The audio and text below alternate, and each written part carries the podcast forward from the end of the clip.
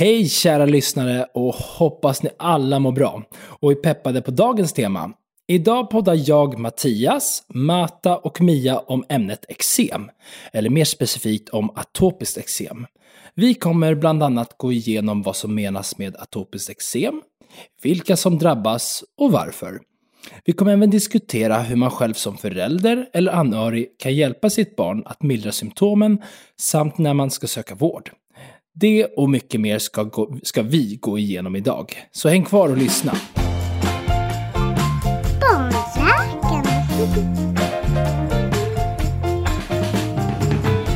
Och jag tycker vi börjar med att ta upp vad eh, är eksem och varför kallar vi vissa eksem för atopiska eksem? Matta, vill du förklara detta för oss, eller för våra lyssnare? Ja, vi kan ju börja med att definiera vad eksem är. Och det är en hudåkomma där man har en inflammation i huden som ger en torr, röd och kliande hud. Och för att det ska definieras som eksem så ska det vara ett återkommande besvär. Så inte bara någonting som sker en gång utan det ska komma tillbaka och tillbaka. Och sen för att också klargöra vad atopiskt eksem är, som också kallas för böjväxteksem eller atopisk dermatit, så är det en vanlig hudåkomma bland småbarn. Det har nämligen visat sig att ungefär vart femte barn i Sverige drabbas av just atopiskt eksem. Och då kan man ju fråga sig varför heter det just atopiskt eksem?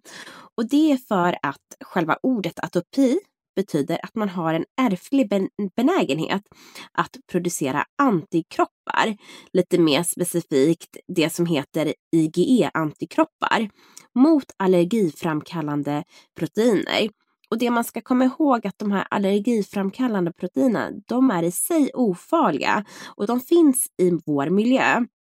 Men det är därför just denna typ av eksem kallas för just atopiskt eksem. Eh, just för att ens immunförsvar har en benägenhet att överreagera mot vissa ämnen. Tack Marta för att du tydliggjorde detta. Då kanske lyssnarna förstår lite mer vårt läka snabbt. Men jag tycker vi slänger in en snabb eh, faktaruta om just antikroppar.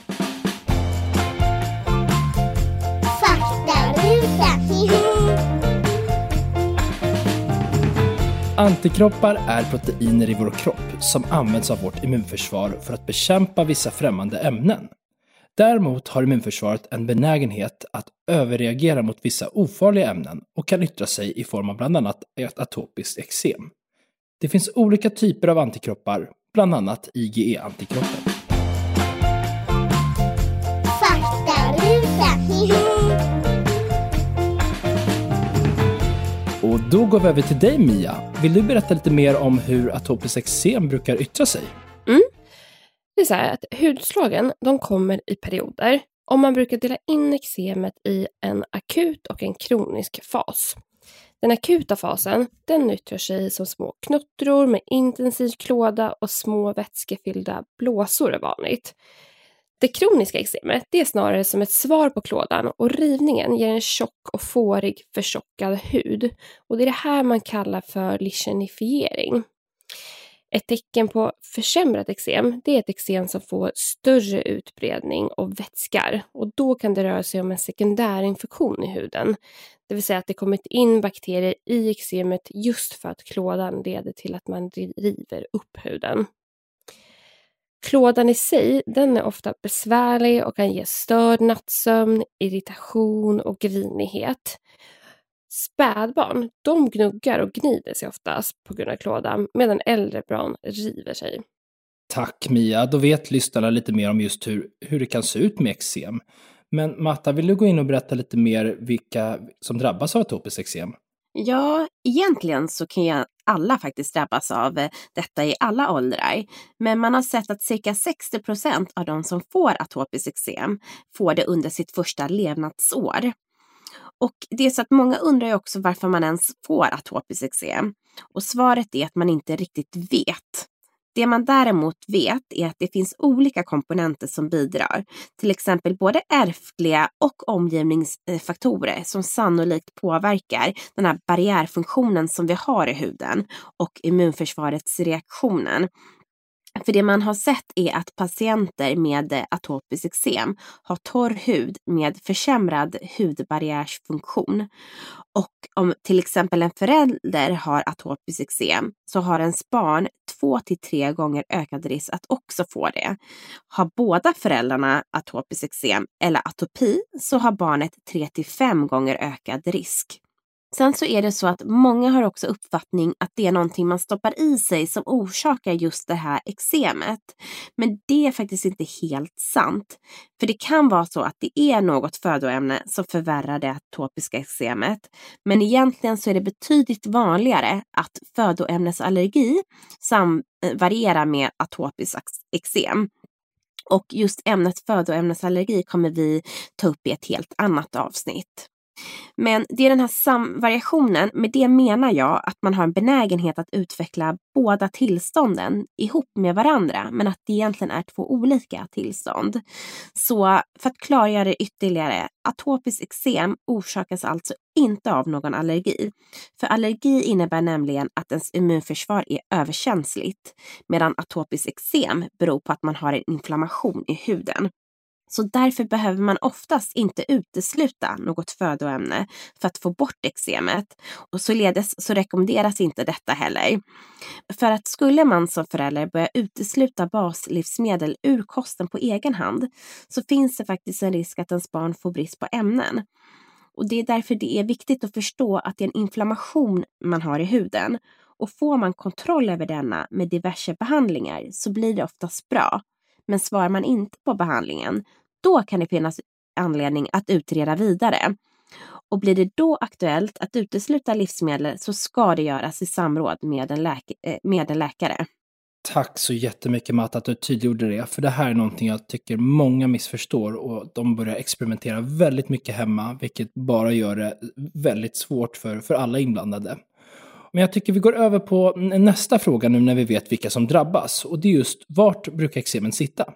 Ja, och det är lite olika beroende på ålder.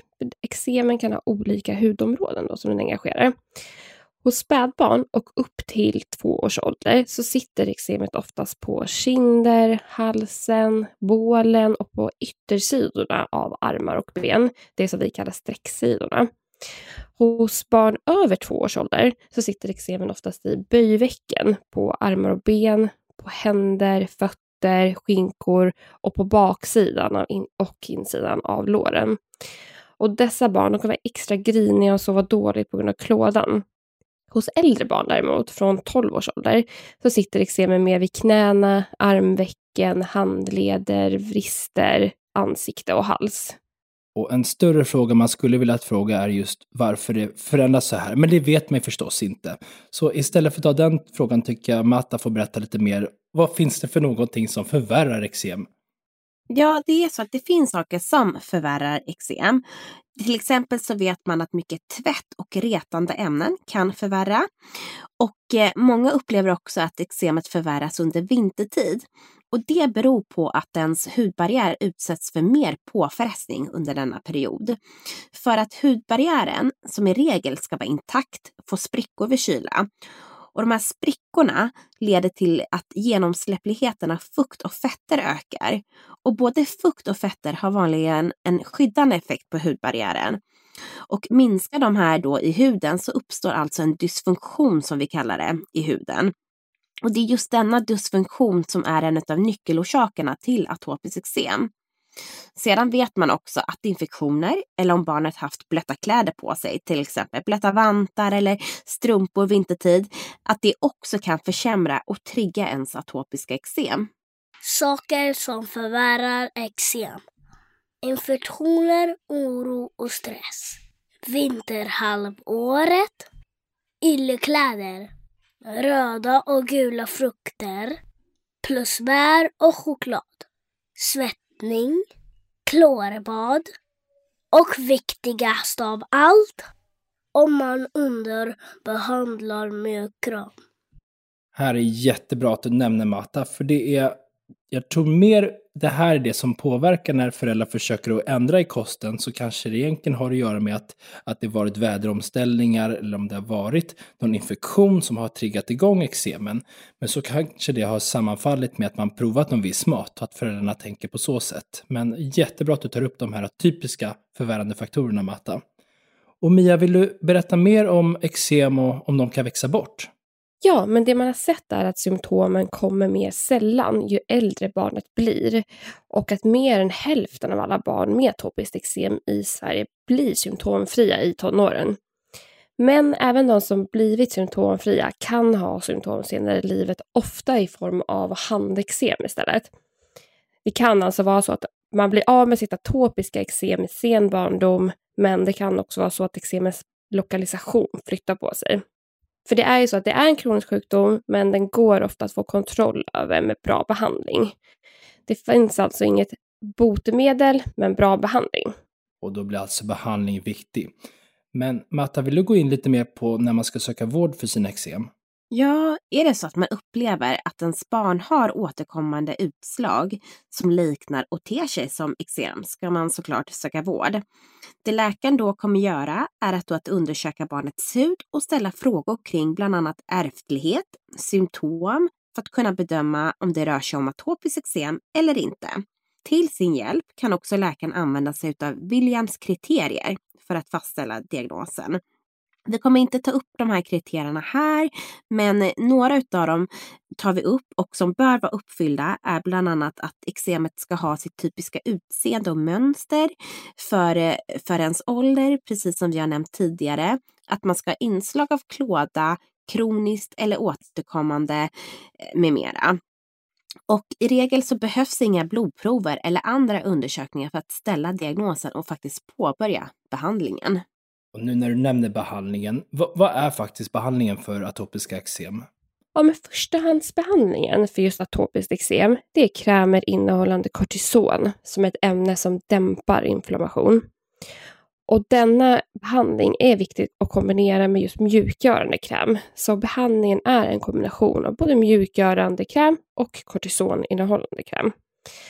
Och när det kommer till krämer så är det viktigt att nämna smörjteknik. För smörjtekniken är nämligen den viktigaste delen av behandlingen.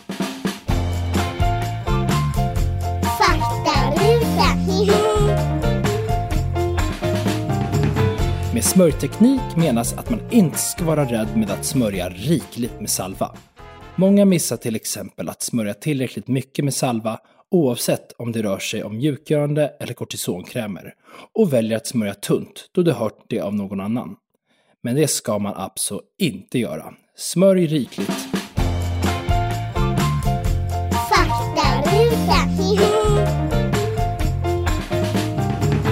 När klådan sen försvinner så ska man trappa ner förbrukningen av kortisonkräm för att minska risken att utslaget kommer tillbaka direkt när man slutar smörja. Och för att förtydliga vad vi menar med nedtrappning så innebär det att man inte ska sluta direkt vid förbättring och inte smörja på med tunnare lager utan att smörja mer sällan. Kortisonkrämerna, de kommer i olika grupper.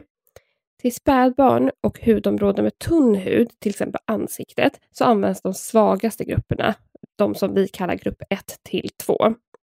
På övriga delar av kroppen kan man använda starkare kortisonkrämer och regeln där är att man ska använda den lägsta styrkan som effektivt dämpar inflammationen. Därför kan en starkare kortison, som ger snabb förbättring, ibland vara mycket bättre än en svagare, där man får en förbättring men det inte blir riktigt helt bra. Och skulle behandlingen inte vara tillräcklig, då kan man gå vidare med en annan typ av inflammationshämmande kräm, ljusbehandling och systemisk behandling som påverkar immunförsvaret. Sedan kan man behöva behandla infektioner med antibiotika om man får sådana hu i huden, vilka vi nämnde lite innan, det här med sekundärinfektioner med bakterier. Utöver dessa medicinska behandlingar ska man såklart försöka sluta klia området, då det förvärrar eksemet. Men det är nog svårt med det när man är ett litet barn. Och som förälder så kan man hjälpa till genom att dels klippa barnets naglar för att inte riva upp området och när man köper nya kläder bör man tvätta dessa för att få bort eventuella ämnen som kan förvärra eksemet och försöka använda luftiga klädesplagg som andas bra. Och man bör heller inte duscha för varmt och däckta kan torka ut huden.